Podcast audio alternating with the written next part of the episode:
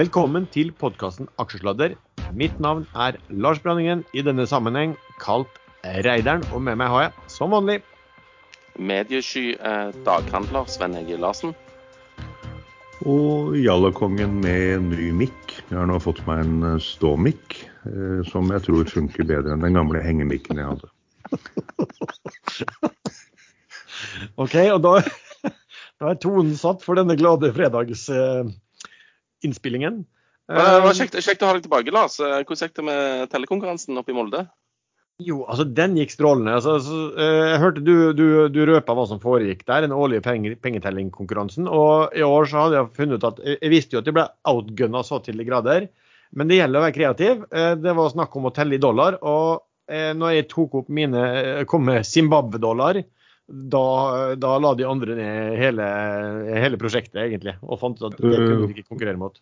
Var det lastebil, eller eh, Trillebår holdt vel ikke? Nei, det var containere, selvfølgelig. Vi må jo støtte Container. containershippingen. Så det var containere med, med Zimbabwe-dollar. Mm. Ja, nei, men Gratulerer. Det kommer, jeg tipper de tar hevn neste år. Ja, om ikke før. Um, men vi skal jo snakke en del hva andre har funnet på i løpet av uh, uken også. Men først så kan vi ta bare vår disclaimer. Um, Erlend, den kan vel du kjøre på? Ja, eh, dere må gjerne høre på oss, også på meg med den nydelige sexy stemmen min med ny ståmikk. Men hvis dere gjør som vi sier, så må dere ta blemen helt og holdent fullt ut selv. Vi ringer råd. Dersom du hører på hva vi sier her om markedet, aksjer, enkeltaksjer og livet for øvrig, er ansvaret helt og holdent ditt eget. Det kan forekomme feil i det vi sier i programmet. Panelet og panelets gjester kan være lang, kort, direkte eller indirekte eksponert i aksjer, selskaper og produkter som omtales. Ehm, vi, vi bruker jo å starte litt da med siste ukers handler, men ehm, jeg vil jo starte med noe annet den gangen her. Eh, Sven, du har jo da bekledd eh, førstesiden eh, i eh, Finansavisen, og du har også blitt benevnt som en ung av, Trygve Hegnar i en sending. Han kalte det for ung, uerfaren, som hadde tjent bøttevis av penger. Den artikkelen i Finansavisen den, den kommer jo egentlig ut fra ingenting. Fordi at redaktøren i, i, eh, avisen tar og ringer meg opp, og uh, selskapet mitt har levert inn årsregnskapet for uh, 2020 omsider. Uh, noe jeg snakka om sist gang, at nå er endelig regnskapet er levert. Eh, og så sier han ja, du hadde et bra år og så videre og videre, og ville gå litt og snakke litt om tallene og hva jeg tenkte framover. Og da bare slenger jeg ut i en eh, bisetning da, at eh, det hadde vært morsomt med et krakk nå. fordi at eh, ting er veldig dyrt og, og sånn, så jeg ønsker meg det et krakk, liksom. For det, da kan jeg kjøpe billige aksjer.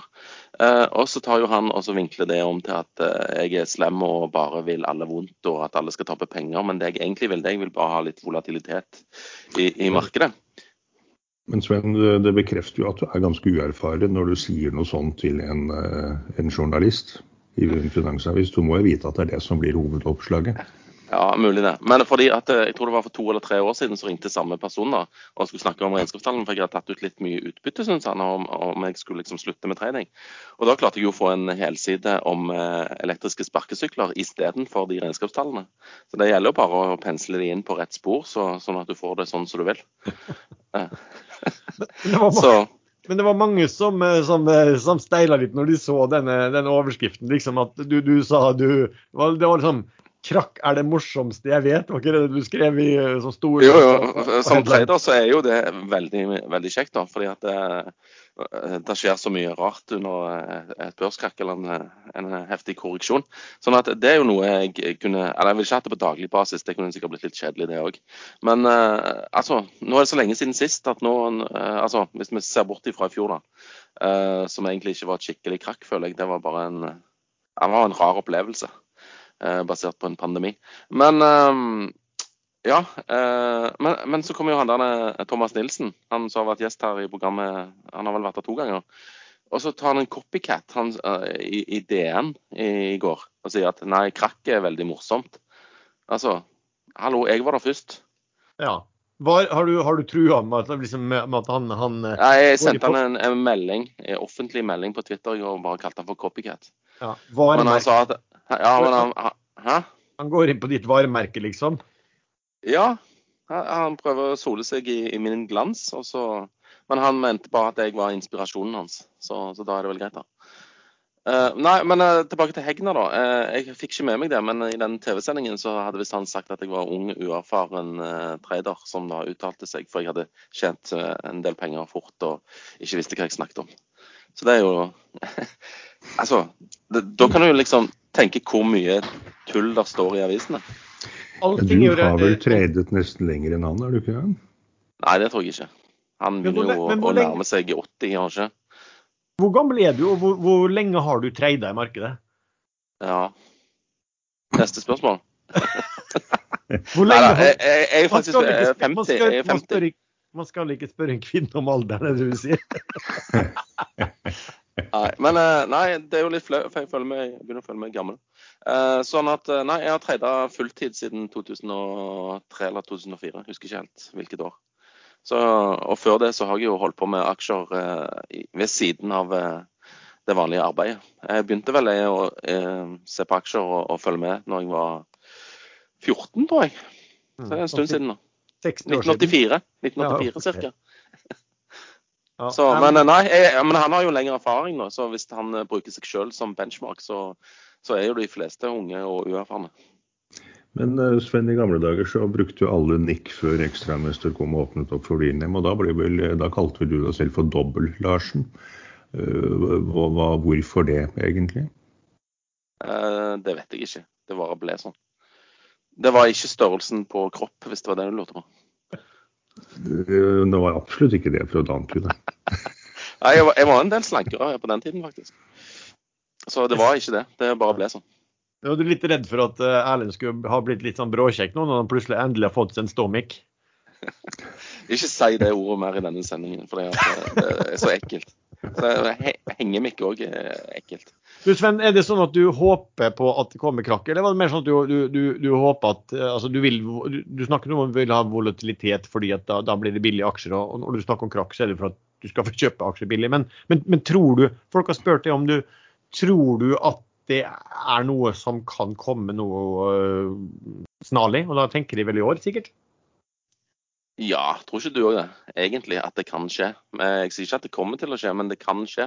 Fordi at eh, Hvis du ser på forskjellige grafer som viser f.eks. Eh, yielden på SMP 500, så er jo den negativ nå. på altså Hva avkastning du kan forvente på aksjer framover, så er den negativ. Eh, lenge siden sist. Det var på rundt 2000.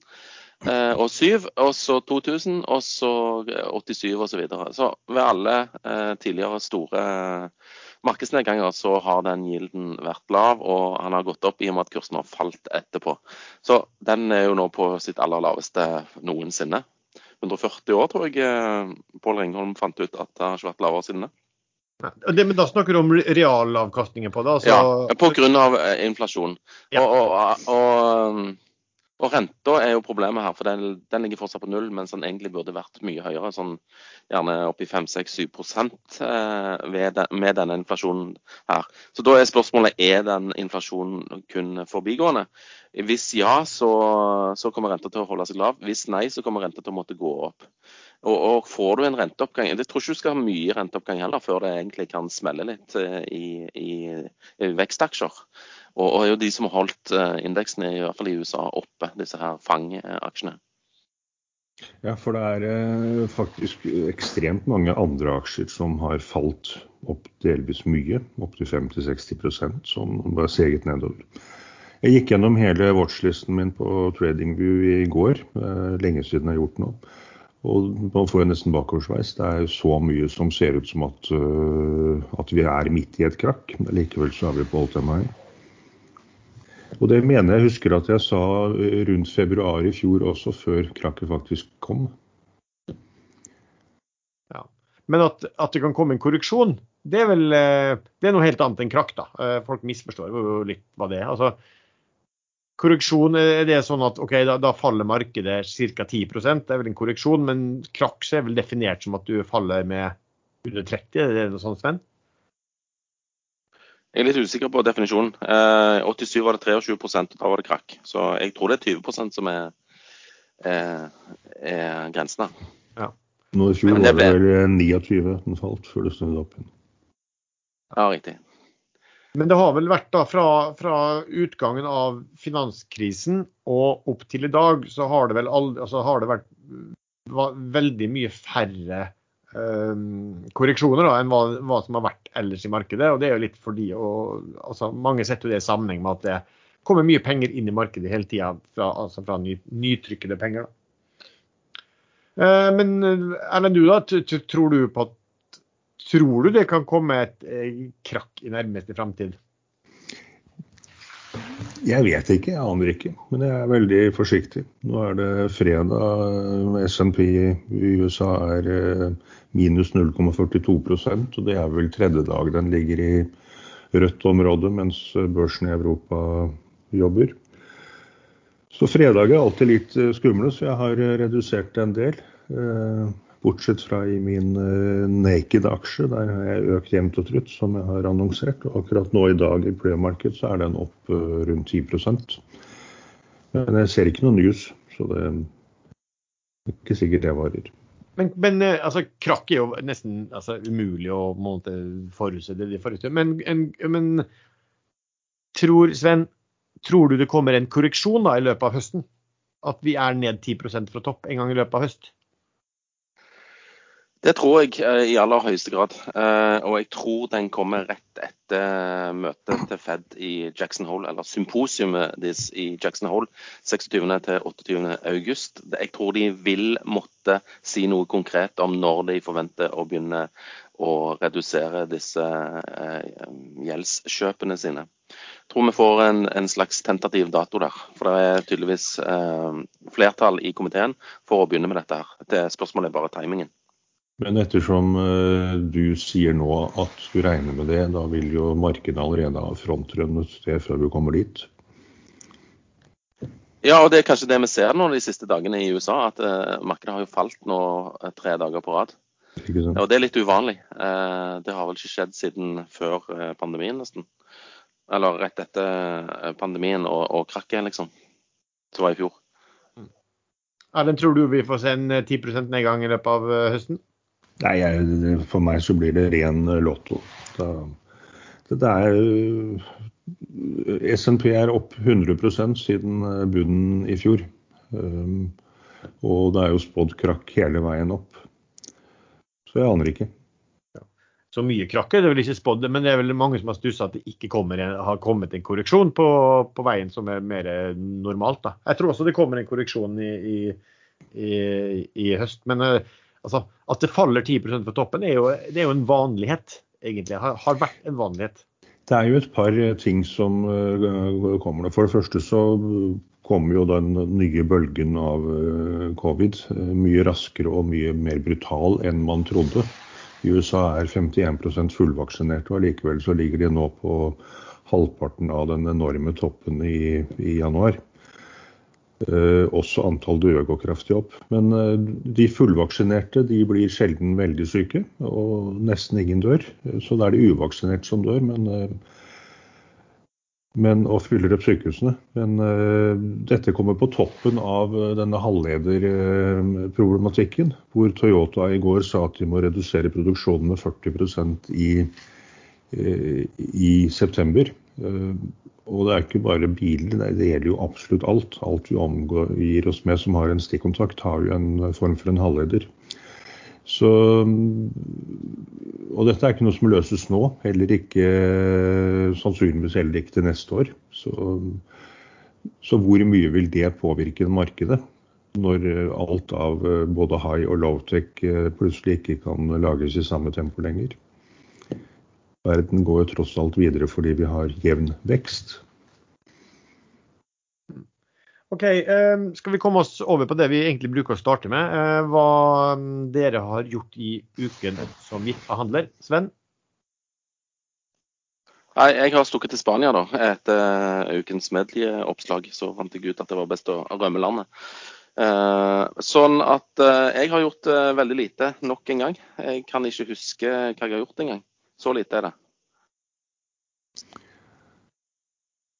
Og du Erlend? Jeg må takke deg gå inn på trederen i banken for å se hva jeg har gjort. Jeg ser at jeg har eh, solgt meg helt ut av ProSafe, som er mitt eh, kjære vakuum case. Og det forklarte jeg jo forrige helg, at jeg reduserte. og det, det blir jo som det ofte skjer når man begynner å redusere, så plutselig så har man solgt alt. Ellers har jeg kjøpt og solgt litt Carbon Transmission. Det gikk egentlig veldig bra. Det er gamle Axis. Ginnu Shipping kjøpte nesten på topp og solgte igjen. Og det er jo en livsfarlig aksje, for man vet jo at disse to brødrene som eier selskapet, de pleier ofte å egentlig alltid å kanalisere overskuddet ut i andre ting. Men akkurat denne gangen så hørte jeg på presentasjonen de hadde. Og han mer eller mindre sa rett ut at Q3-tallene kommer til å bli gode. Eh, så kanskje de har noe bestemt seg for å avvente tømmingen av selskapet, eller at de har kutta det ut. Så de tjener penger som gress, og hadde vel bare nå sist kvartal eh, tjente de vel inn eh, Hvor mye var det, Lars? Halvparten av market cap?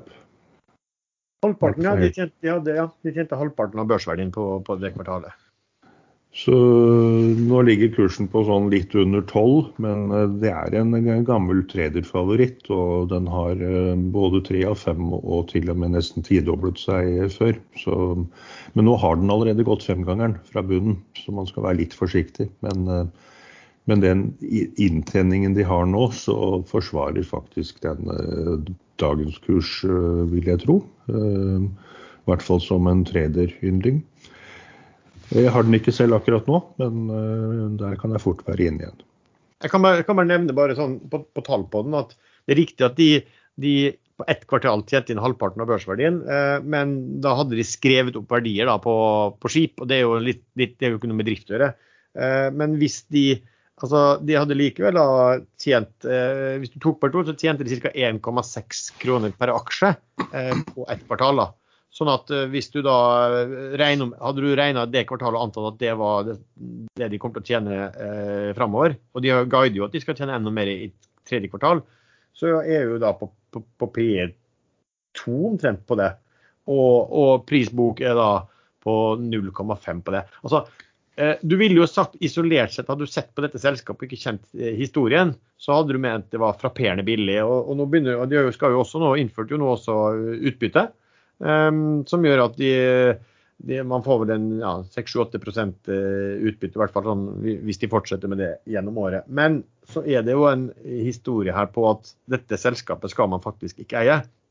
For her forsvinner mye av aksjonærenes penger. Det forsvinner ut eh, ja, gjerne til to brødre som eh, eier dette selskapet, som har da noen helt enorme lønninger. Altså, de har vært kjent for å gjøre noen spesielt rare eh, transaksjoner og dårlige transaksjoner. Når allting så lyst ut, så har de plutselig endt opp med å tape mye penger på, på andre sider. Men, eh, men bare, jeg ville bare nevne det fordi at jeg gjorde også sånn som du, Erlend. Jeg gikk inn i det eh, og skrev vel egentlig på, i chatten med ekstrainvestor at det er nesten som man fortjener å tape når man går inn der, fordi at man vet at dette er et så eh, litt råttent selskap.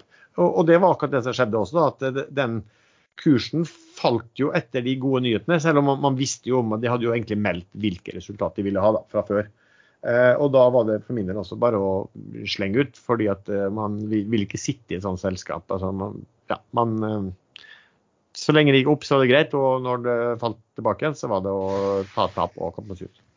Men kan man drodle litt rundt hvorfor de velger å skrive opp eh, verdiene i et kvartal to? Eh, er ikke det noe som kanskje er mer naturlig å gjøre ved årsslutt, hvis revisor eh, krever det?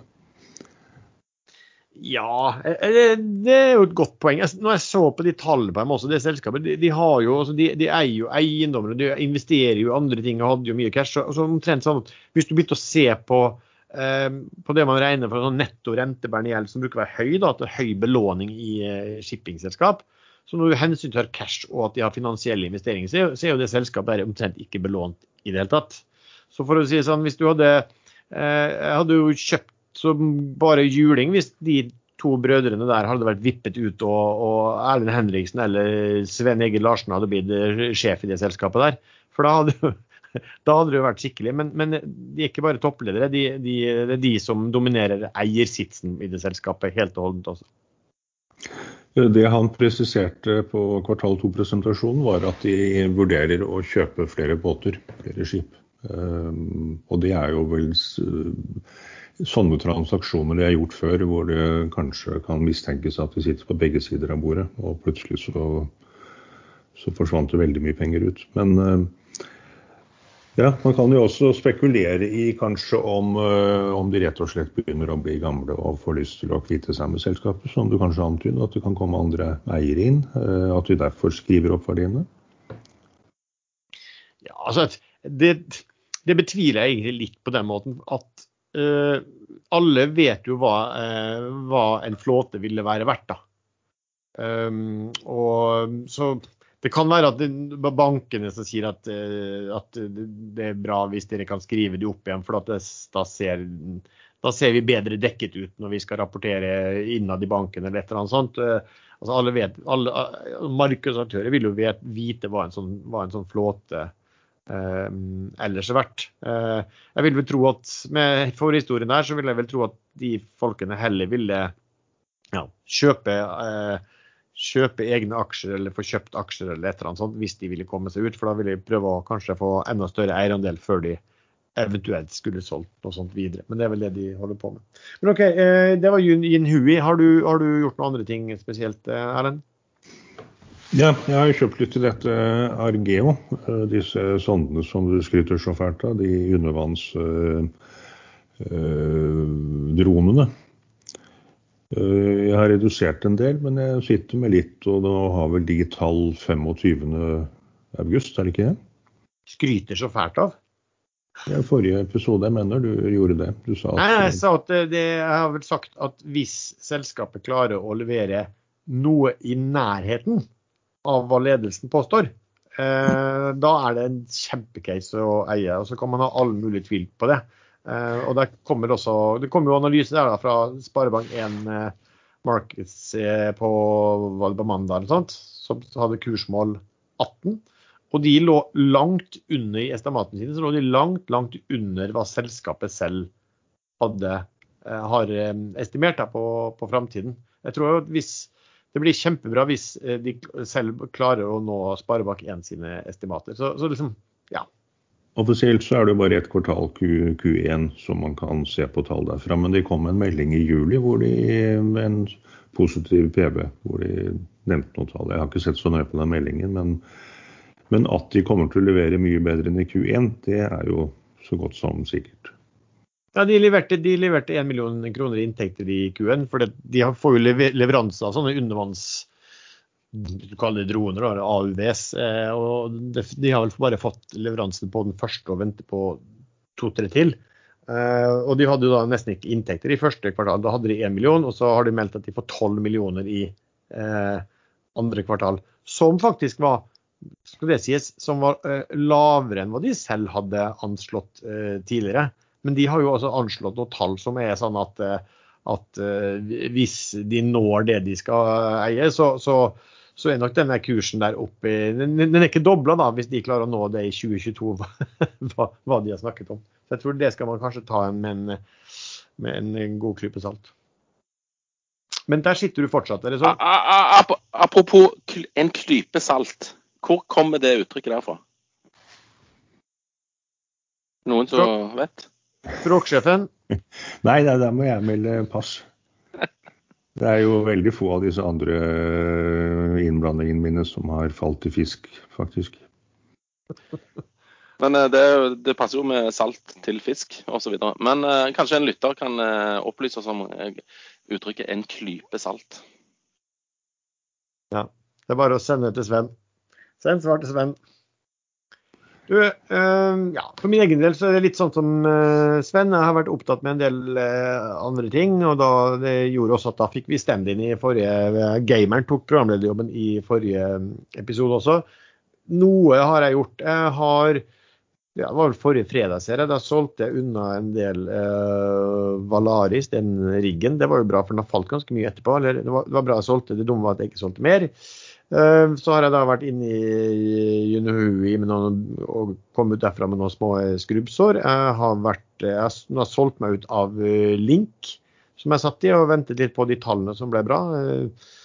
Eh, solgte jo da selvfølgelig den for tidlig, men eh, sånt vet man jo aldri. Eh, ellers har jeg ikke gjort noe sånn spesielt. Det, kom det en jagerfly over hodet her, så det, sånn er det.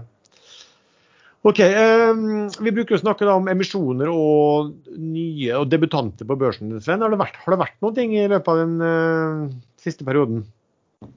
Nei, det har ikke vært noen ting. Det er litt sånn rart, med tanke på hvor mye som var rett før sommeren. Men eh, jeg tror ikke de har kommet helt i gang ennå. Og i tillegg så har jo markedet vært bitte litt mer ruglete enn eh, enn før sommeren. Så. Men det kommer vel. Var det ikke kø av eh, selskaper som skulle inn på, på Growth? Jo, det de sier så at det er mange som står eh, i kø der. Men klart, det, det, det, nå, har det vært, nå har det vært sommer, da, og så kanskje vært litt rug, mer ruglete marked innenfor visse områder. For det var jo vel eh, ja, mye grønt f.eks. som kom, eh, kom, på børs. Aker Clean Hydrogen. Den ble så dårlig eh, at den ødela litt, litt av momentumet for, for, at alle disse grønne kom, kom Man henta penger til grønne, og at kursene steg noe voldsomt kort etterpå. Liksom. Var Men ja, Men gidder du sende de jagerflyene retning eh, Estepona i Spania? For det bråker noe helsike fra bassenget. Det er noen spanjakker der som ikke har skjønt at de bør være på jobb på denne tiden av døgnet. Men var ikke helt, var ikke helt enig med, Nei, jeg er ferdig med, med segmentet emisjoner og nedsalg. For jeg ble faktisk oppringt i går da, av en hyggelig megler fra Clarkson Plateau om jeg var interessert i å, å delta i en eh, blokksalg, eh, altså kjøpe aksjer i et blokksalg i, i, denne her Nodl, Nodel, Northern Drilling. Og, så da, og, og vi hadde en liten uh, hyggelig, eller et uh, hyggelig passiar om, uh, om, det selskapet. At de ikke har noen rigger, og at de har terminerte avtaler osv. Han var jo bull på at hvis de fikk igjen alle pengene, da, så, så, var det jo 120 kroner aksjen i, i cash, liksom. Og jeg argumenterte vel for at dette er en prosess som tar et par år, og sannsynligheten for å få ut noe penger er vel relativt liten. Så jeg takker tøffelig nei til tilbudet. Men jeg ser jo i dag at det kommer nyheter om at selger, som da tydeligvis var Ørn AS, eh, hvis eier heter Nikolai Grove, eh, var, var, selgeren av den posten. Så, men var ikke han veldig positiv til det selskapet for, eh, for eh, en halvtime siden? Det føles i hvert fall sånn. Han øh, kom vel med en øh, tweet hvor han mente at, øh, at selskapet ville bli tilført noe enorme summer, og at han kanskje burde kjøpe 10% av selskapet med et sånn funderende emoji-merke etterpå. Og så stiger vel kursen på det, og så går det en dag eller to, og så selger han da aksjer i blokk i stedet. Han hadde, han hadde skrevet der Note to self burde kjøpt 10 av Noddle. Får de igjen penger på alle tre riggene, blir det 240 millioner US dollar, 16 millioner aksjer. Det blir ca. 128 kroner per aksje. Thinking Face. Og så hadde han eh, også tydeligvis frittet noe med at han regner med at de kommer til en løsning om ikke lenge. Men om det var før eller etter, det vet jeg ikke. Eh, Sven, du kjenner jo til det her. Altså, hva, er, hva er realismen i, disse der, eh, i den type regnestykker? Nei, altså eh, De har betalt inn 90 millioner dollar per rigg, eh, så vidt jeg husker. Eh, og så har de ikke hatt mer penger til å finne Altså, de har ikke fått kontrakt på disse riggene, og da er det veldig vanskelig å få eh, lån på dem. Så da har de et udekka finansieringsbehov eh, på utallige hundre millioner, millioner dollar. Eh, og da, hva gjør du da? Du har jo ikke lyst til å ta og, og kjøpe riggen, for du har ikke penger. Så Da sier de nei, eh, pga. sånn og sånn, så vil vi terminere for dere har brutt avtalen, hevder de. Og verftet på sin side vil jo si at det var det, Vi har ikke gjort noe galt, det, det, det, er dere som ikke har penger, liksom. Så da går du til en sånn arbitrasjeprosess, og den tar tydelig, eh, type voldgiftsprosess, heter det vel på norsk. Eh, og den tar vel typisk sånn to til tre år og blir, blir avgjort av en internasjonal domstol. Eh, så det er høyst, høyst, usikkert eh, hvilket utfall eh, det vil få. Det kan jo ende opp med at uh, Nodel må betale uh, det riggene koster. Og det har du i hvert fall ikke penger til. og Da har du en konkurs i Nodel. Ja, fordi at, ja, for at det er sånn at Nodel, når de bestilte disse to riggene, så, eller tre, eller hva det um, så var markedet mye, mye høyere når de bestilte det. Og så betalte de inn en, en, en delbetaling. Og, men det er sånn at resterende betaling nå eh, anslår vel alle mm, rigg-analytikere er eh, mye mer enn hva riggen er verdt.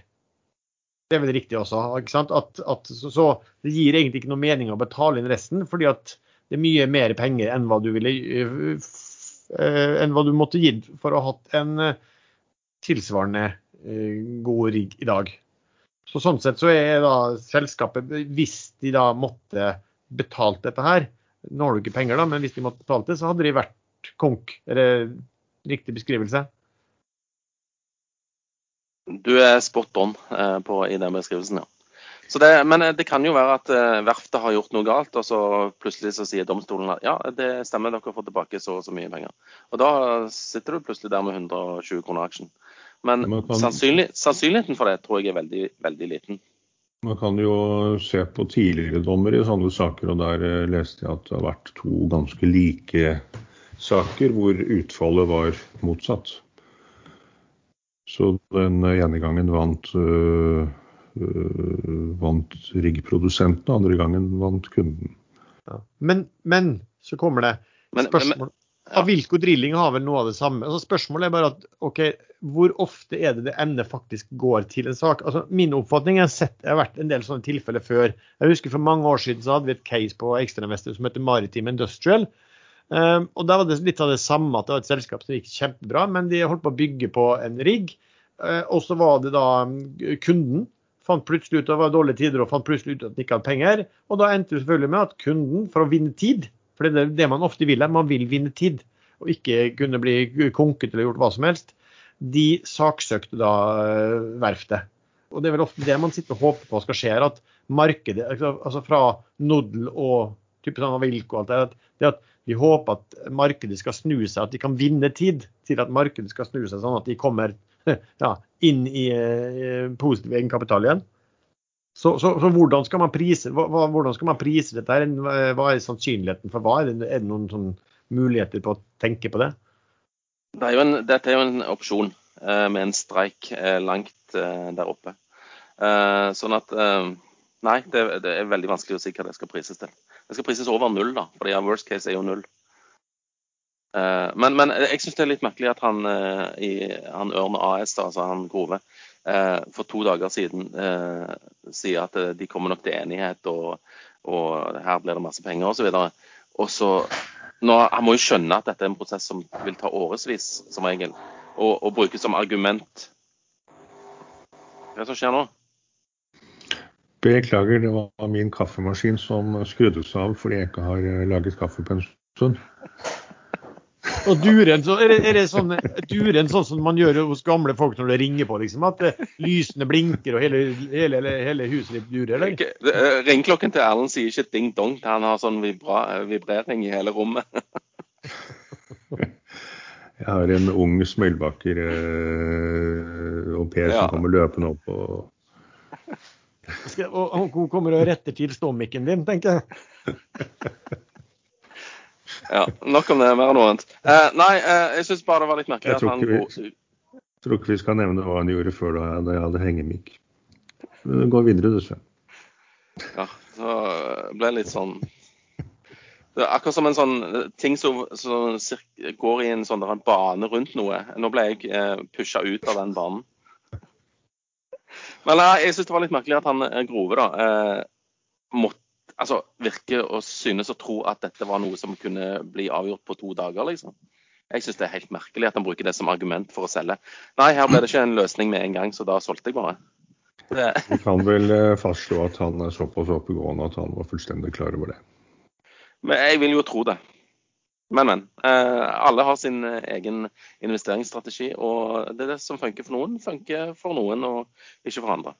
Men det vi, kan, det vi kan, si her som, som, var litt interessant, var at det faktisk kom jo et uh, innsidekjøp der. Det var en som var, Han kjøpte vel nesten for, uh, ja, for 1,4 millioner kroner, som heter Marius Hermansen, som vel er sjef for uh, en, en, av sjefene i Astrup Fearnley, om ikke han er toppsjefen i Astrup Fearnley, som sitter i styret i selskapet.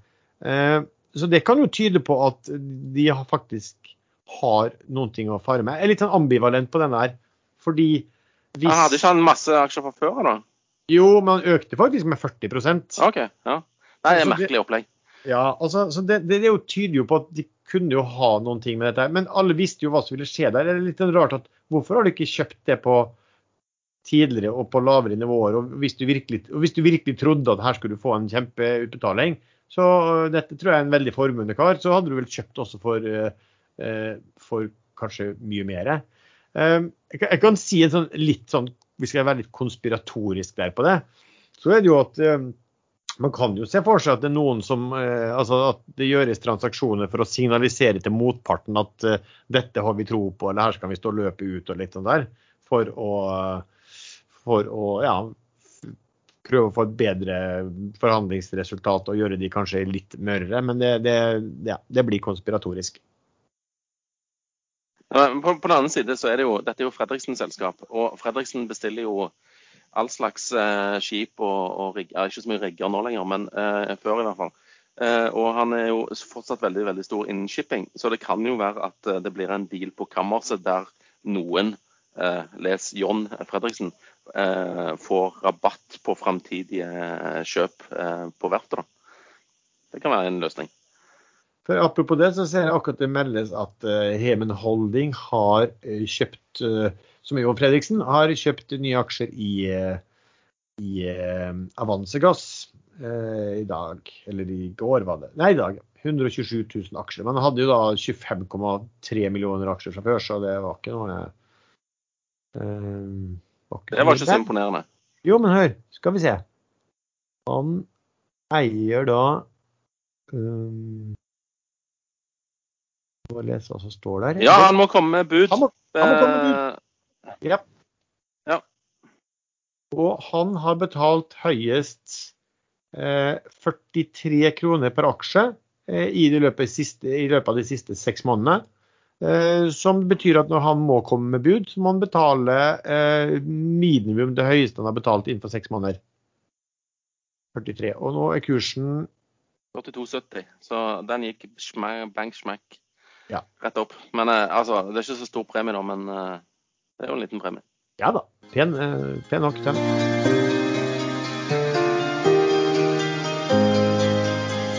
Denne episoden er sponset av CMC Markets, og med oss som vanlig har vi sjefen sjøl, Henrik Sommerfelt, som kan fortelle oss litt mer om CMCs tjenester. Takk skal du ha, Lars. Jeg vil først nevne et webinar vi har neste torsdag, som sikkert er interessant også for mange av Aksjesladers lyttere.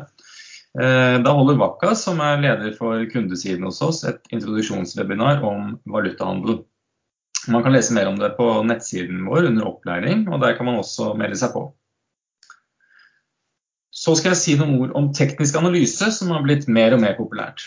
Da vil jeg først nevne at våre demo- og livekunder nå helt kostnadsfritt får daglige morgenrapporter skreddersydd for oss av Investec med dagens eh, anbefalinger på våre mest populære produkter.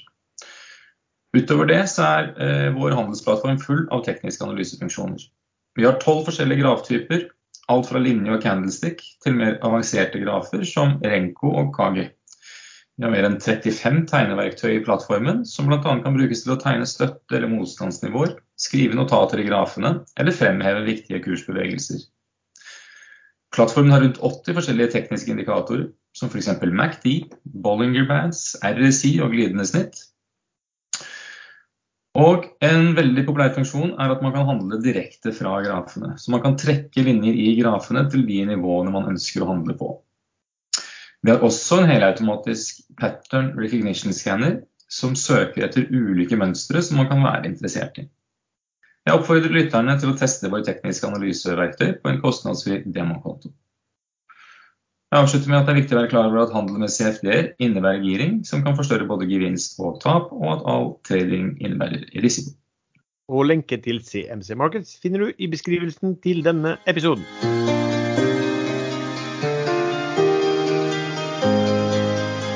Men la oss gå videre på et annet um, Fredriksen-selskap i dyp krise. Um, det har vi jo snakket om eh, en del her, eh, Erlend. Men nå har det jo kommet noen nye, ny informasjon om, om bud. Hva, hva, er det som foregår, og hva, hva, hvordan vil det her påvirke aksjonærene?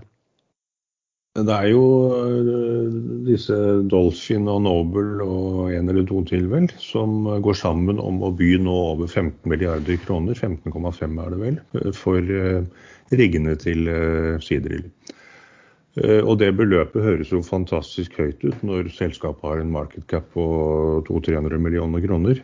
Men resultatet, hvis det budet blir godkjent, det er at selskapet da konker umiddelbart. Ehm, det er jo gjeld. Gjelden er vel på 50-60 milliarder kroner.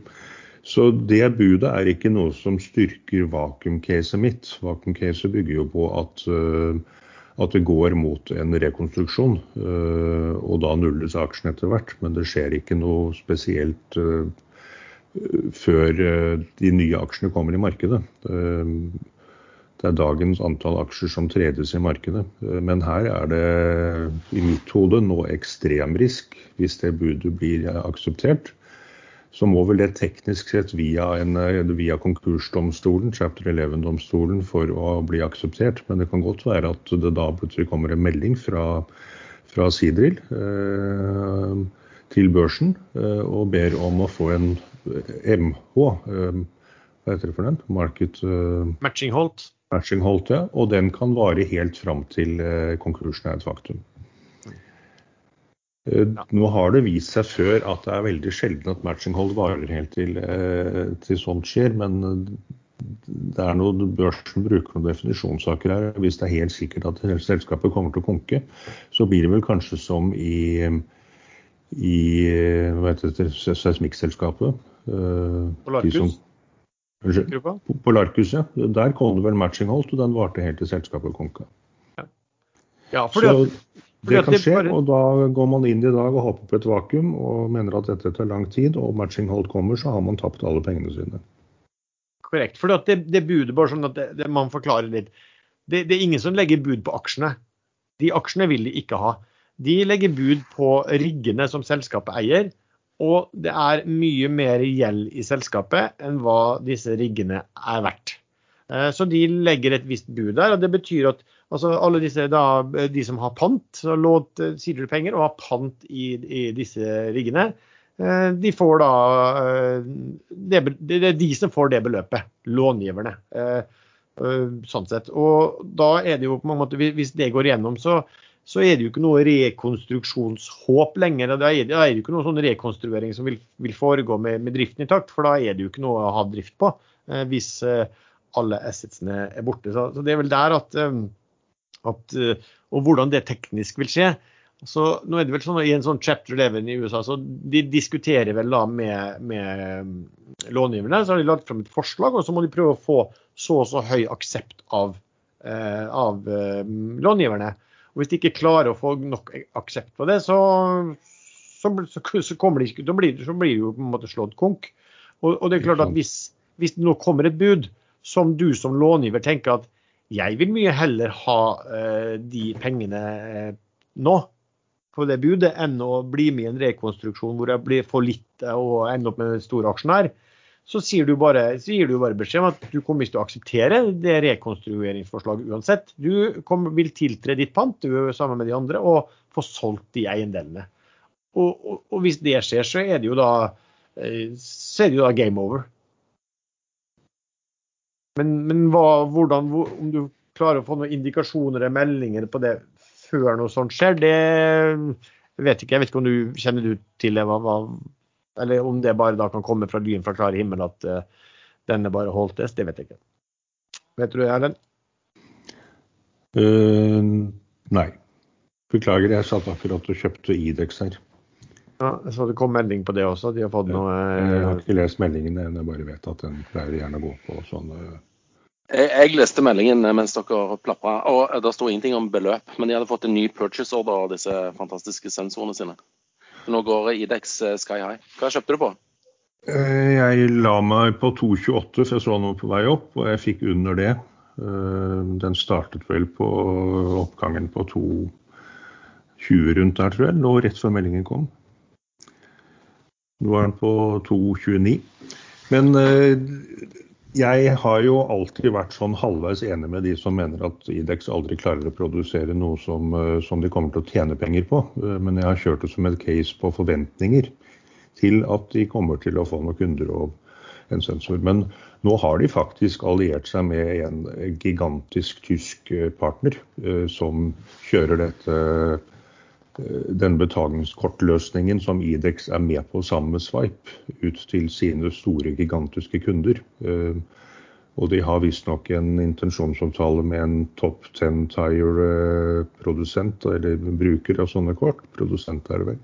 Så denne gangen kan det faktisk være litt annerledes enn jeg kan tysk business såpass godt at jeg vet at en partner i den størrelsesordenen ikke surrer seg bort i et norsk lite fileselskap hvis ikke de leverer noe som kan funke. Skal vi si litt, Sven, hva, hva, sånn, har du noen, noen, spesielle reaksjoner på den rapporteringssesongen som vi er inne i, der selskapene rapporterer om QT-tallene sine? Har du noe, sånn, noe du har lagt spesielt merke til?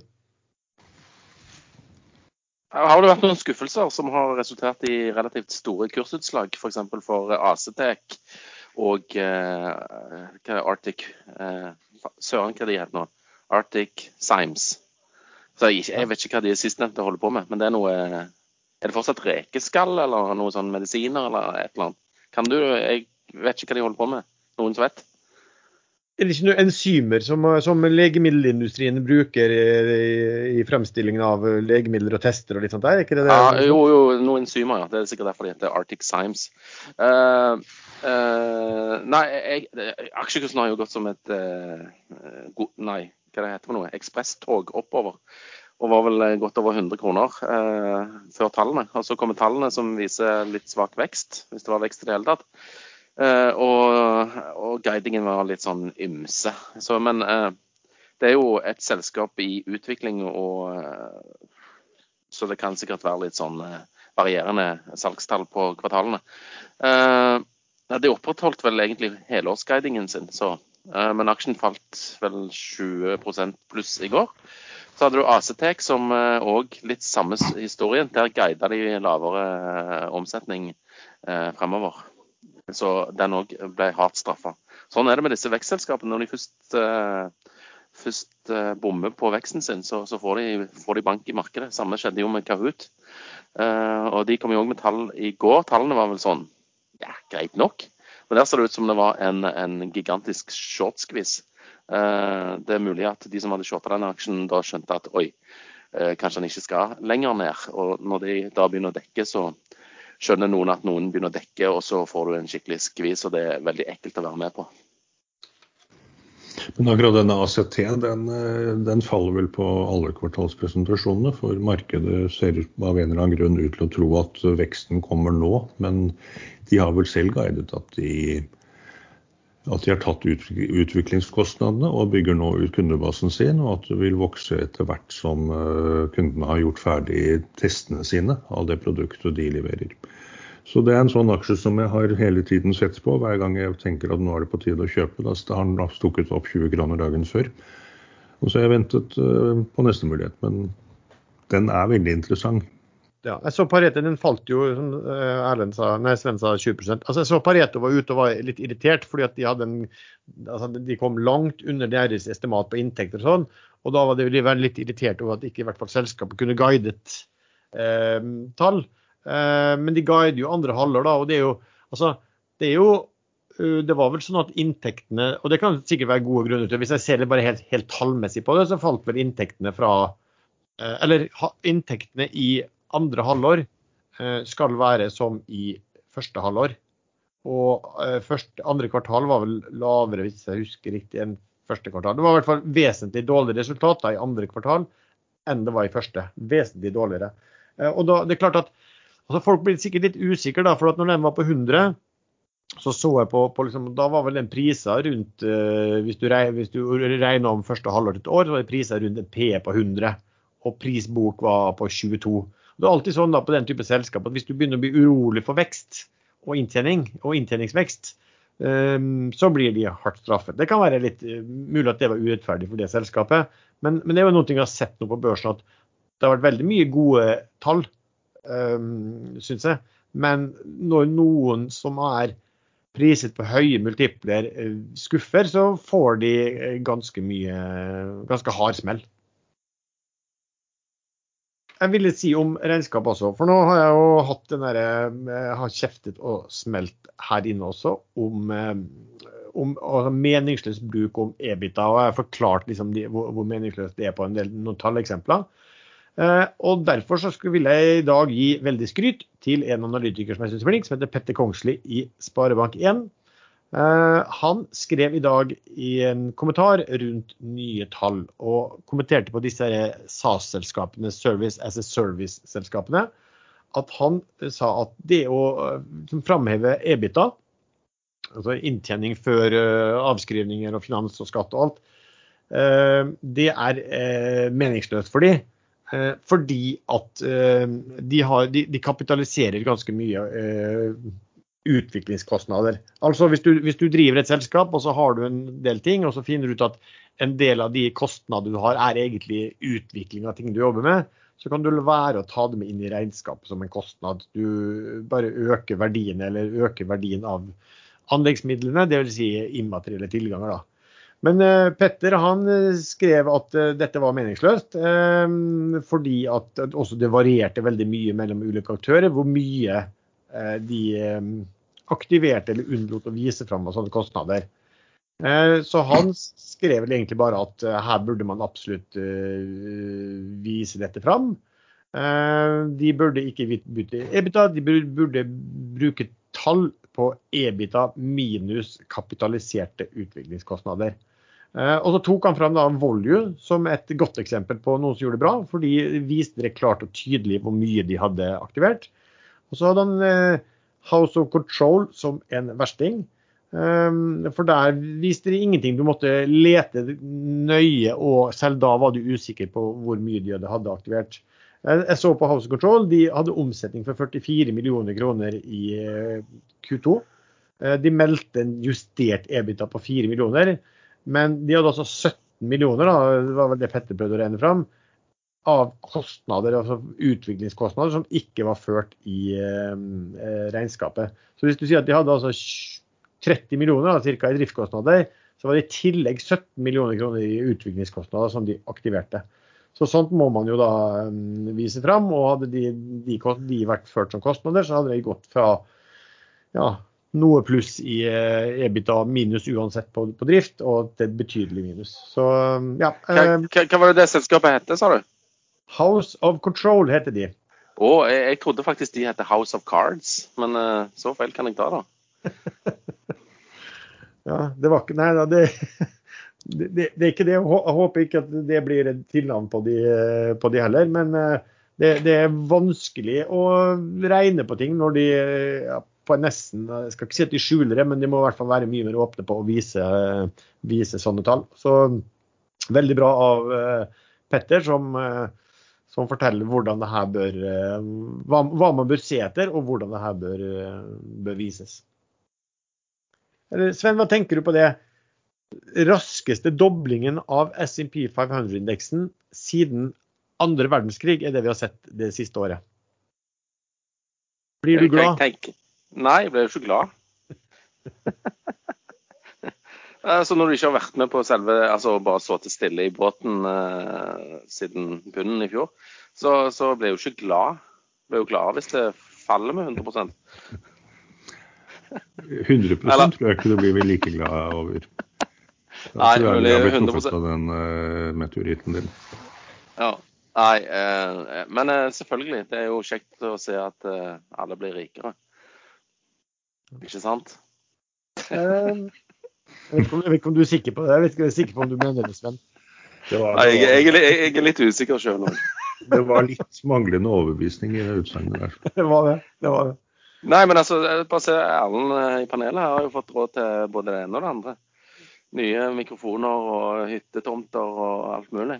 Nå har det kommet uh, melding fra CEO i Naked på Twitter. En uh, serie på tre tweets. Skal vi bare se kjapt der. Ti minutter siden.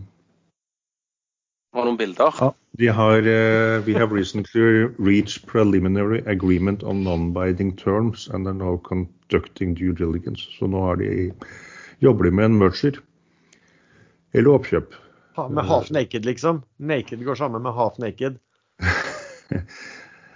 Eh, selskapet de ser på er involvert i en sektor som har uh, utsikter til sterk vekst for mange tiår framover.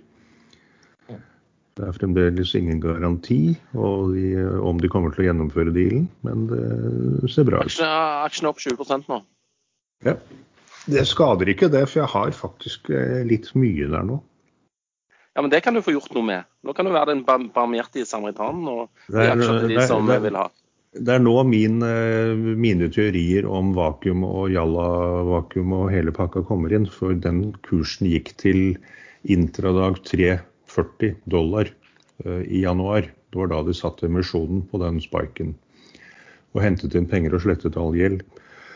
Så selskapet var jo egentlig konk. Hadde ikke denne meme-gjengen borte i USA, Wall Street Boys, dratt den aksjen opp fordi den var shortet over 30 eh, så hadde de ikke fått inn penger og hadde ikke klart å nedbetale gjeld og hadde ikke fått, hatt noen mulighet til å rydde opp i selskapet. Var det Wall Street Boys? Ja, det var de som dro den opp. Okay. Men etter det så har shortene ligget på rundt 5% og det tyder jo på at markedet faktisk eh, gir selskapet en sjanse til å klare å snu dette. Um, og selv om short-andelen er så lav, så er det noe som heter gammel kjærlighet ruster ikke. Så disse, denne mimingen de sitter og følger med på aksjen. Jeg ser det på diverse forum at uh, den nevnes innimellom. Og det som ofte skjer da, når de kommer med noe helt konkret, uh, det er at både de som ser vekstmuligheter og den gamle uh, crazy gjengen begynner å dra i aksjen. Og da skal ikke jeg være veldig grådig, så jeg selger alt på tre dollar. Da har jeg fått uh, hvor mye er det? Seksgangeren ca. Merket meg mest egentlig at når du sa at uh, det har kommet melding fra Naked, og Sven straks spurte om er det noen bilder. det er, uh, det har jeg nevnt, man må gå inn på nettsiden hvor de selger produktene sine. Der får du bildene dine, Sven. Veldig morsom aksjeeier. Det er kun uh, sexundertøy for damer. Uh, og på engelsk så heter det? Lingerie heter det vel sånn egentlig på engelsk. Du, eh, nå har vi fått en del spørsmål som vanlig fra, fra lyttere. Et spørsmål vi har fått fra veldig mange. Kan dere få bedre lyd?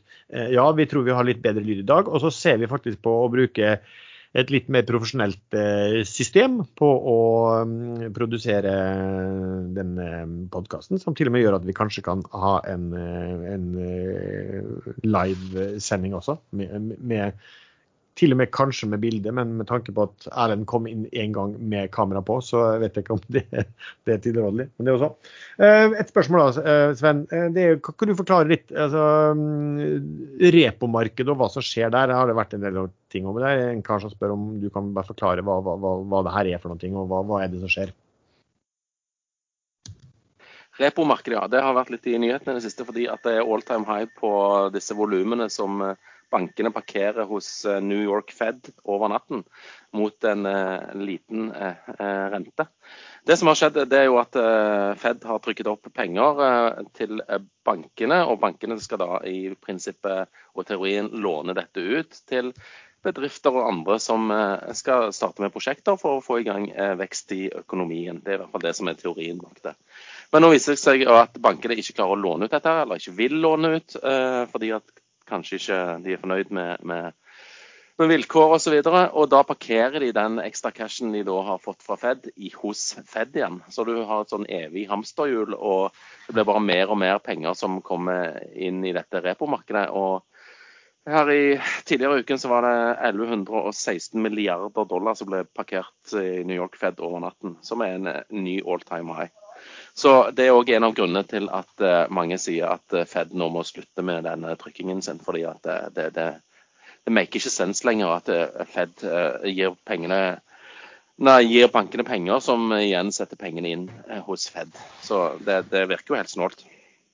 Og Hva hadde skjedd, men, men tenk, tenk, den tanken her, da. Hva hadde skjedd hvis en mye større altså hvis bankene faktisk hadde klart å lånt ut mye større andel av de pengene da? Hva hadde skjedd da? Da hadde du fått en kjempevekst i økonomien. Eh, og ja, med, da hadde jo ting og tang gått opp i pris, og du hadde fått en kjempeinflasjon, mest sannsynlig, vil jeg tro. Uten at jeg er en makroøkonom. Ja, men Det høres det jo logisk ut, det. Ja. Um, så er det et spørsmål til deg, eh, Erlend. For du har jo fulgt mye med i Thin Film. Det heter sin Film før, og vi har snakket en del om det. Og nå heter det vel En Surge. Uh, og uh, er det noe sånn update der, Sven? Erlend? Nei, stille fra selskapet, men i dag eller i går, muligens begge deler, var vel siste frist for å, for å løse inn Warrants, de såkalte B-vårdens fra den andre emisjonen. Uh, C-Warrants ble løst inn i slutten av juni, og det var fra den siste emisjonen.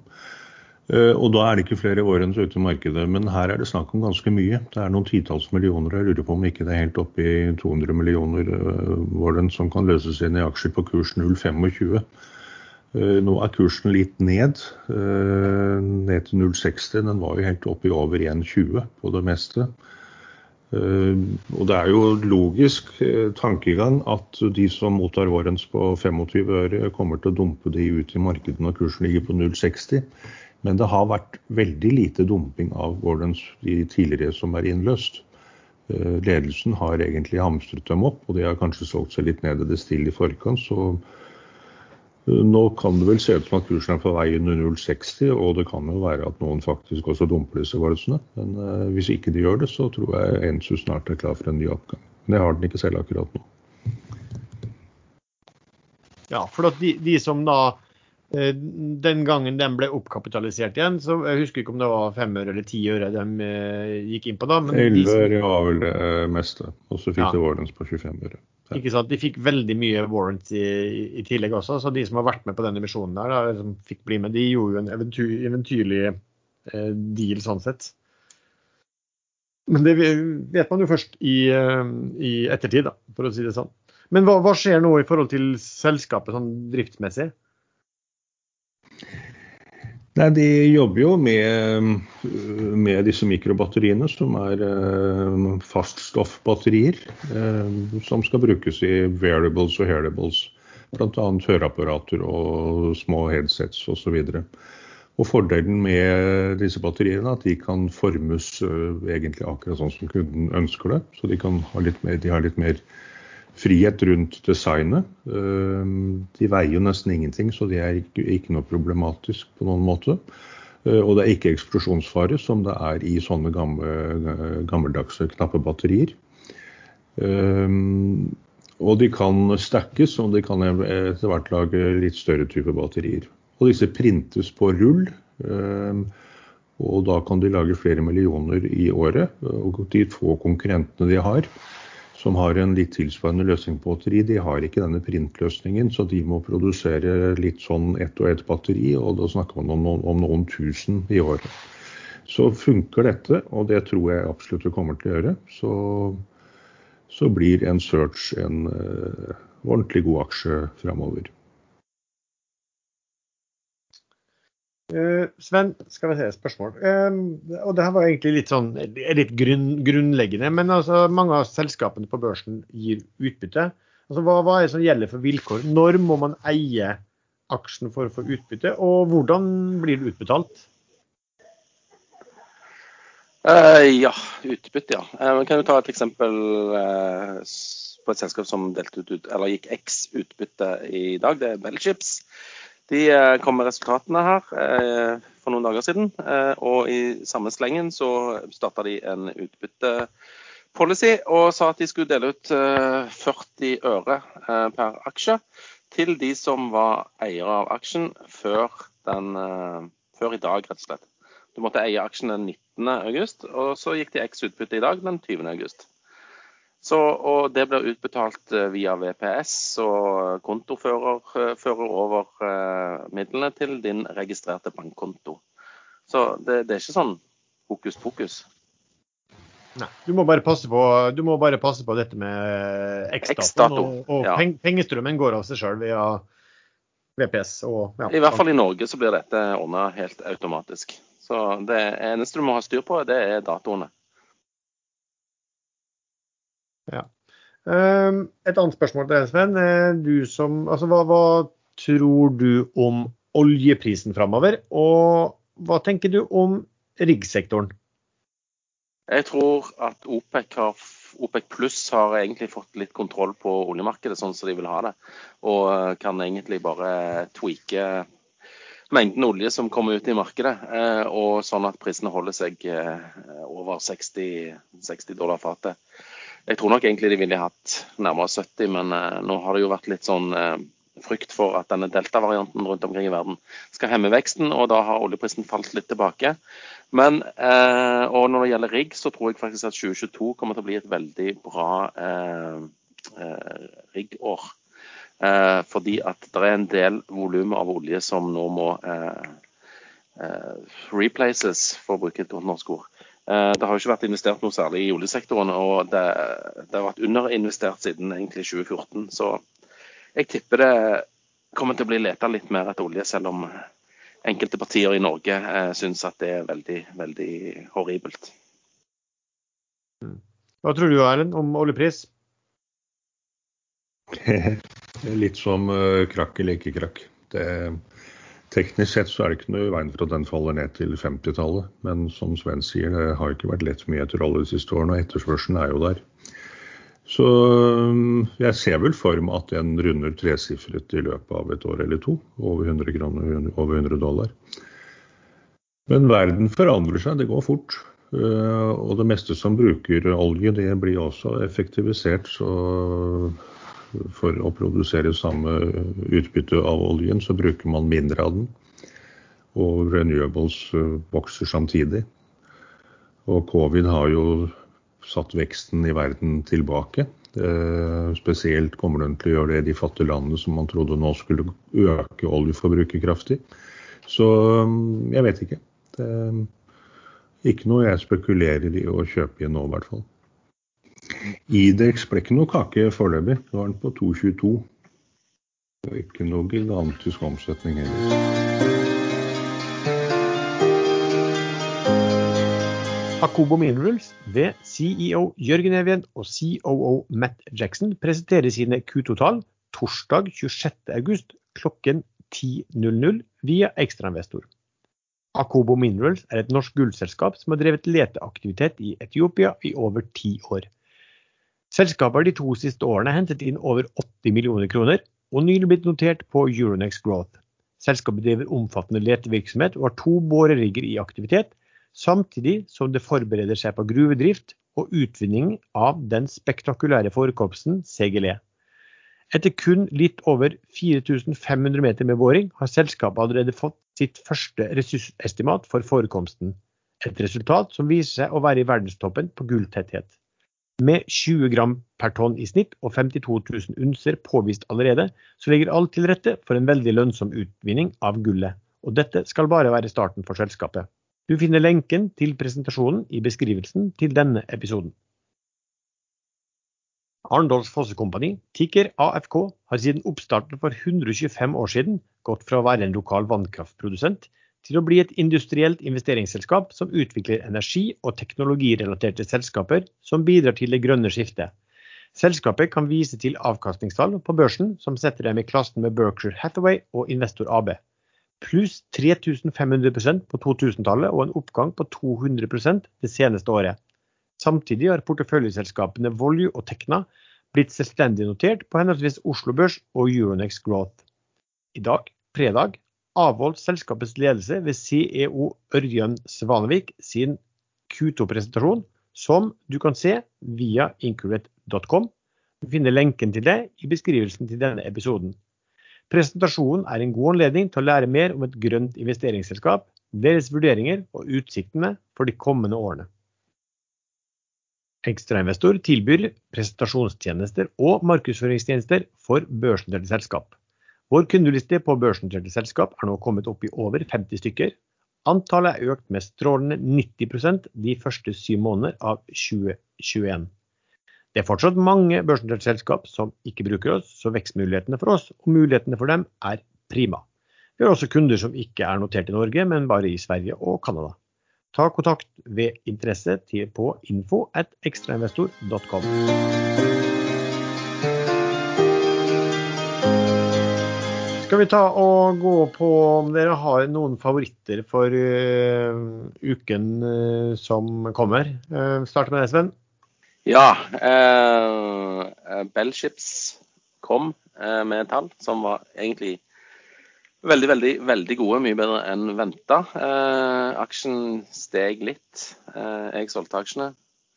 Aksjen har falt litt tilbake, men jeg tror den kan gå videre. fordi at de guider jo på bedre eh, tredje og fjerde kvartal. Så det kommer til å bli en pengemaskin det neste året. Så jeg tipper kursen eh, tar og tøffer seg opp mot 20 eh, etter hvert. Men jeg har ikke tid til å være med på det. Jeg venter jo på krakk. Sånn at Eller jeg håper på krakk, er vel mer riktig. Så den har jeg utfasa. Jeg beholder fortsatt Bergen Carbon Solution. De kommer med tall den 25., så vidt jeg husker. Og tror kanskje det kan komme en eh, signert avtale i rundt Eller guider på i, i forbindelse med tallene. Så eh, min blir BCS. Jeg har gjort veldig lite resten av uken. så jeg har eh, også jeg har vært litt usikkert marked, så jeg, jeg er fortsatt stor andel i cash, altså. Erlend? Ja, jeg ser at cash-andelen min er 1304 kroner og 15 øre akkurat nå. det er all time low? Nei, den var på 34 kroner og 14 øre her i går. Så jeg er stort sett all in, men jeg er ganske kjapt ut igjen nå hvis ikke ting går som jeg vil. Eh, men Inex er foreløpig ikke der hvor jeg hiver den ut. 3 eh, av 227,1 fikk jeg på. Det skulle bli sånn cirka øh, Hvor mye blir det? Uh, cirka syv øre. Så hvis den faller noe særlig under uh, 2,20, så hiver jeg den ut. Men de kommer plutselig. Nå skal jeg bli steinrik på Naked uansett, så det er ikke så fordel om jeg har noen sånne småposter i andre aksjer her. Jeg har litt i M Westwater, dette selskapet til Trond Moen som driver med vannopparbeiding på oljeplattformer og egentlig alt, alt skittent vann fra alle mulige ting som man opparbeider så det kan brukes igjen. Nå husker jeg ikke i farten om man kan bruke det som drikkevann, men uansett så er dette, dette noe som er etterspurt og vil bli mer etterspurt, fordi vann er en mangelvare mange steder og vil bli det. De meldte en kontrakt med et selskap, et stort internasjonalt selskap med eh, business i 140 land og 9 milliarder euro i omsetning. Og det hørtes så fantastisk fint ut, så jeg heiv meg ennå og kjøpte egentlig litt mer enn jeg burde kjøpe et sånt selskap. Eh, det er jo det selskapet jeg har nevnt før hvor det er veldig liten free float. De to største eierne, Moen og en til, har rundt 75% og så er det et par andre som sitter på noen prosent. Men det viste seg at den friflåten var ikke så lav som jeg trodde sist. Et par av de jeg trodde skulle holde, de hev ut aksjene sine, og kursen har falt jevnt og trutt fra rundt 30 var det vel, og den var vel på rundt 14 da jeg kjøpte, og nå ligger den på rundt litt i underkant av 16. Eh, men du fant vel ut, Lars, at eh, det var jo ikke med det store morselskapet de hadde den avtalen, men med et lite datterselskap? Var det ikke sånn? Ja, eller jeg vet ikke hvor lite det datterselskapet, men jeg så at de hadde inngikk en intensjonsavtale med et selskap som var en del av et stort eh, konsern. Eh, og så så det vel, sånn som jeg tolka eh, børsmeldingen, så oppga de jo hvor stor konsernet var, og ikke hvor stort selskapet de faktisk hadde inngitt avtale med. Eh, og hvis det er, så blir det jo litt rart. Det er jo liksom, hvis du inngår avtale med et lite selskap, f.eks. som Orkla-eier, så så blir det litt rart kanskje å, å, bruke, å, å bruke, tallene til hele Orkla-konsernet eh, for å fortelle hvor stor aktør du har, om, du har inngått avtale med. Men jeg, men jeg, vet ikke helt det var sånn. Men det sto i hvert fall ut ifra teksten så oppga de for konsernet og ikke selskapet de hadde inngått avtale med. Men hvis et eh, f.eks. tysk litt mindre selskap inngår en avtale med Equinor, eh, og de vet at morselskapet vil, eh, vil bidra til å spre dette produktet rundt i alle områdene sine, kanskje også andre datterselskap, er ikke det sånn sett litt naturlig å oppta opp i omsetningen til morselskapet? Jo, det, det, er jeg enig i, men jeg føler at hvis du oppgir, oppgir eller ikke til morselskapet, men hvis du oppgir eh, omsetningen i omtrent i hele konsernet, eh, da må du i hvert fall oppgi eh, hvor stort det selskapet du inngikk avtale med. Det hadde vært helt greit å ta med begge, begge, deler, men ikke ta med tallene på den du har avtale med, og bare konsernet den del av. Det ble, for min del ble det i hvert fall litt feil. Jeg kan være litt enig, jeg går litt fort i svingen. Men eh, jeg har så godt inntrykk av han Trond Moen, så jeg klarer liksom ikke å tro at han bevisst eh, er med på å hive ut en børsmelding som skal eh, sminke noe som kanskje ikke er så bra. Men uh, man skal være litt forsiktig med å stole blindt på noen som helst.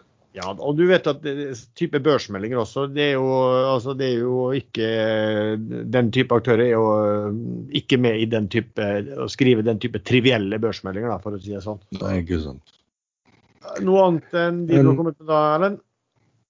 Eh, nei, Idexen er, eh, den er det fullt mulig at jeg selger på mandag på Åpen, så ingen må ta det som en anbefaling. Men jeg mener at det selskapet nå faktisk bygger stein på stein og har fått en gigantisk partner som har de rette kontaktene. Denne tyske. Så mm, jeg tror de er inne på noe nå. Eh, et annet jeg har lyst til å highlighte litt, for vi snakket om, om regnskap, det er Akualis, Aqualis, som jeg snakket litt om før her også en gang at de tallene så bra ut og kommer sikkert til å marsjere oppover. Ehm, de leverte tall i dag. Eh, det er jo et sånt konsulentselskap inn mot olje, offshore, renewables, eh, maritim. Ehm, og hvis det så på det her, så hadde de et, eh, et driftsresultat som lå på ca. 20 millioner i dette kvartalet. Omregner du det på et år, da, så er du på 80. Og det var en forbedring på 20% ca. fra forrige kvartal. Eh, og de har ganske mye nettcash i det selskapet. Så eh, de som, de liker å regne på ting, det er noe som heter enterprise value. Dvs. Si, eh, børsverdi pluss eh, plus rentebærende gjeld. Men her er det jo cash, så da blir det fratrukket. Det er enterprise value. Du har en enterprise value nå på ca. 800 millioner. Eh, og basert på de tallene de hadde nå, så hadde de en Hvis du regner om til et år, da, så er det en EBIT på 8, altså 80. Det vil si en EV-EBIT-nøkkeltall på Eh, på tid med sterk vekst. Og Det som er litt interessant å merke seg, er at de, de har jo gått sammen, gjort et stort eh, oppkjøp gått sammen med. Og de sier at de forventer seg de signifikante kostnadssynergiene fra Q4. Og der de mener at, og de økte i dag også målsettingen for hvor mye de skulle få ut av, av kostnad kutt, kostnadskutt. da. Eh, de økte det fra 3,5 millioner dollar til 4 millioner dollar per år. Eh, hvis du regner inn at de klarer de 4 millioner dollarene per år, eh, så, så vil jo det, de tallene de leverte i dag, tilsi at de prises på en EV-EBIT på på under sju, høyt sekstall. Så da blir det veldig bra. Så klarer de å fortsette fremgangen og få ut de, de, de kostnadseffektene som de hevder de skal gjøre, så blir det, dette sikkert, helt, helt sikkert bra å sitte i videre. Så det er vel egentlig de jeg vil eh, snakke om i dag. Ellers så er det litt sånn som dere gjør. Jeg, jeg, jeg gjør lite. Jeg sa vel sist gang at jeg var i, i ja, ca. 85% cash. Eh, dette er en tid hvor, på året hvor det kan skje mm, skumle ting. Så det gjelder jo å ja, det gjelder ikke å sitte stille, det gjelder å følge med. Og plutselig så dukker det opp muligheter som man kan ta. Eh, vi får se. Ja vel. Er det noe mer dere vil snakke om, eller skal vi eh, ta, ta, helgen og følge med, eller følge med på innspurten de siste timene før helgen? Du er fornøyd i dag, du unge og uerfarne krakkelskende mannen også? Ja. Solen skinner og alt er bra, bortsett fra litt bråk fra bassengområdet. Jeg kan heller ikke klage med forventet melding i det selskapet jeg er mest investert i og 20% opp i premarkedet. Så vi ser om ikke den følger opp enda mer i når de åpner klokka 15.30. Mm. Og skulle, og skulle du eh, ta den dupp, så vet du også at den eh, kaffemaskinen din kommer til å vekke deg eh, uansett. Ja. det var greit. OK, da takker vi så mye for, eh, til dere som eh, vil lytte til eh, denne episoden. Eh, alle oss tre i panelet finner du ofte inne på Ekstrainvestor sin eh, chat. Vi har også en egen gruppe på Facebook som heter podkasten Akersladder, der du kan kommentere episoder eller stille spørsmål som vi vil at vi skal ta opp i andre episoder. Musikken er som vanlig eh, kommer som vanlig fra sjazz.com, som også er et ekstrainvestormedlem for øvrig. Og da sier vi bare takk for at du lyttet, og vi høres.